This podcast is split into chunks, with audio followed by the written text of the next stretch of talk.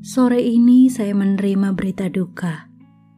Teman kami meninggal dunia karena sakit tumor.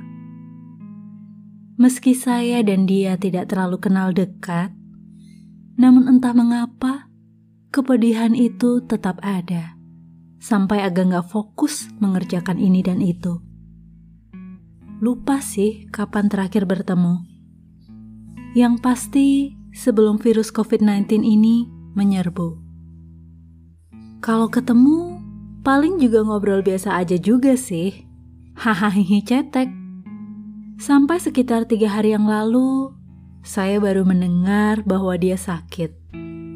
Tapi ya belum sempet-sempet aja ngehubungin. Kehilangan nomor di HP sih. Biasa, HP gonta-ganti dan gak ke-save di email.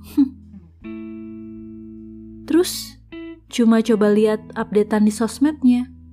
Terus udah. Sampai akhirnya kabar mengejutkan itu datang. Gak ada yang tahu. Gak ada yang tahu pasti kapan seseorang akan berpulang. Gak ada yang tahu.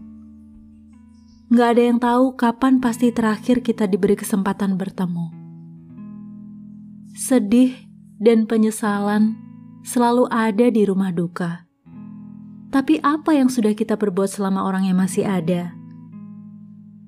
Jika besar penyesalan itu, bisa jadi kitanya yang belum maksimal untuk mengasihi orang tersebut.